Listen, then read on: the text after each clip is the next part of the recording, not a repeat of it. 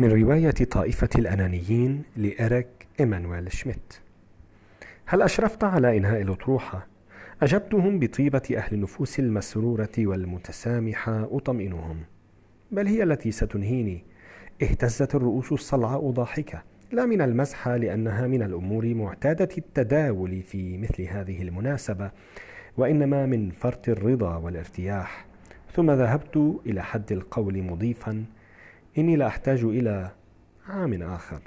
إن كفأت الرؤوس الصلعاء على نفسها مرة أخرى لتغرق في قراءة طلاسمها.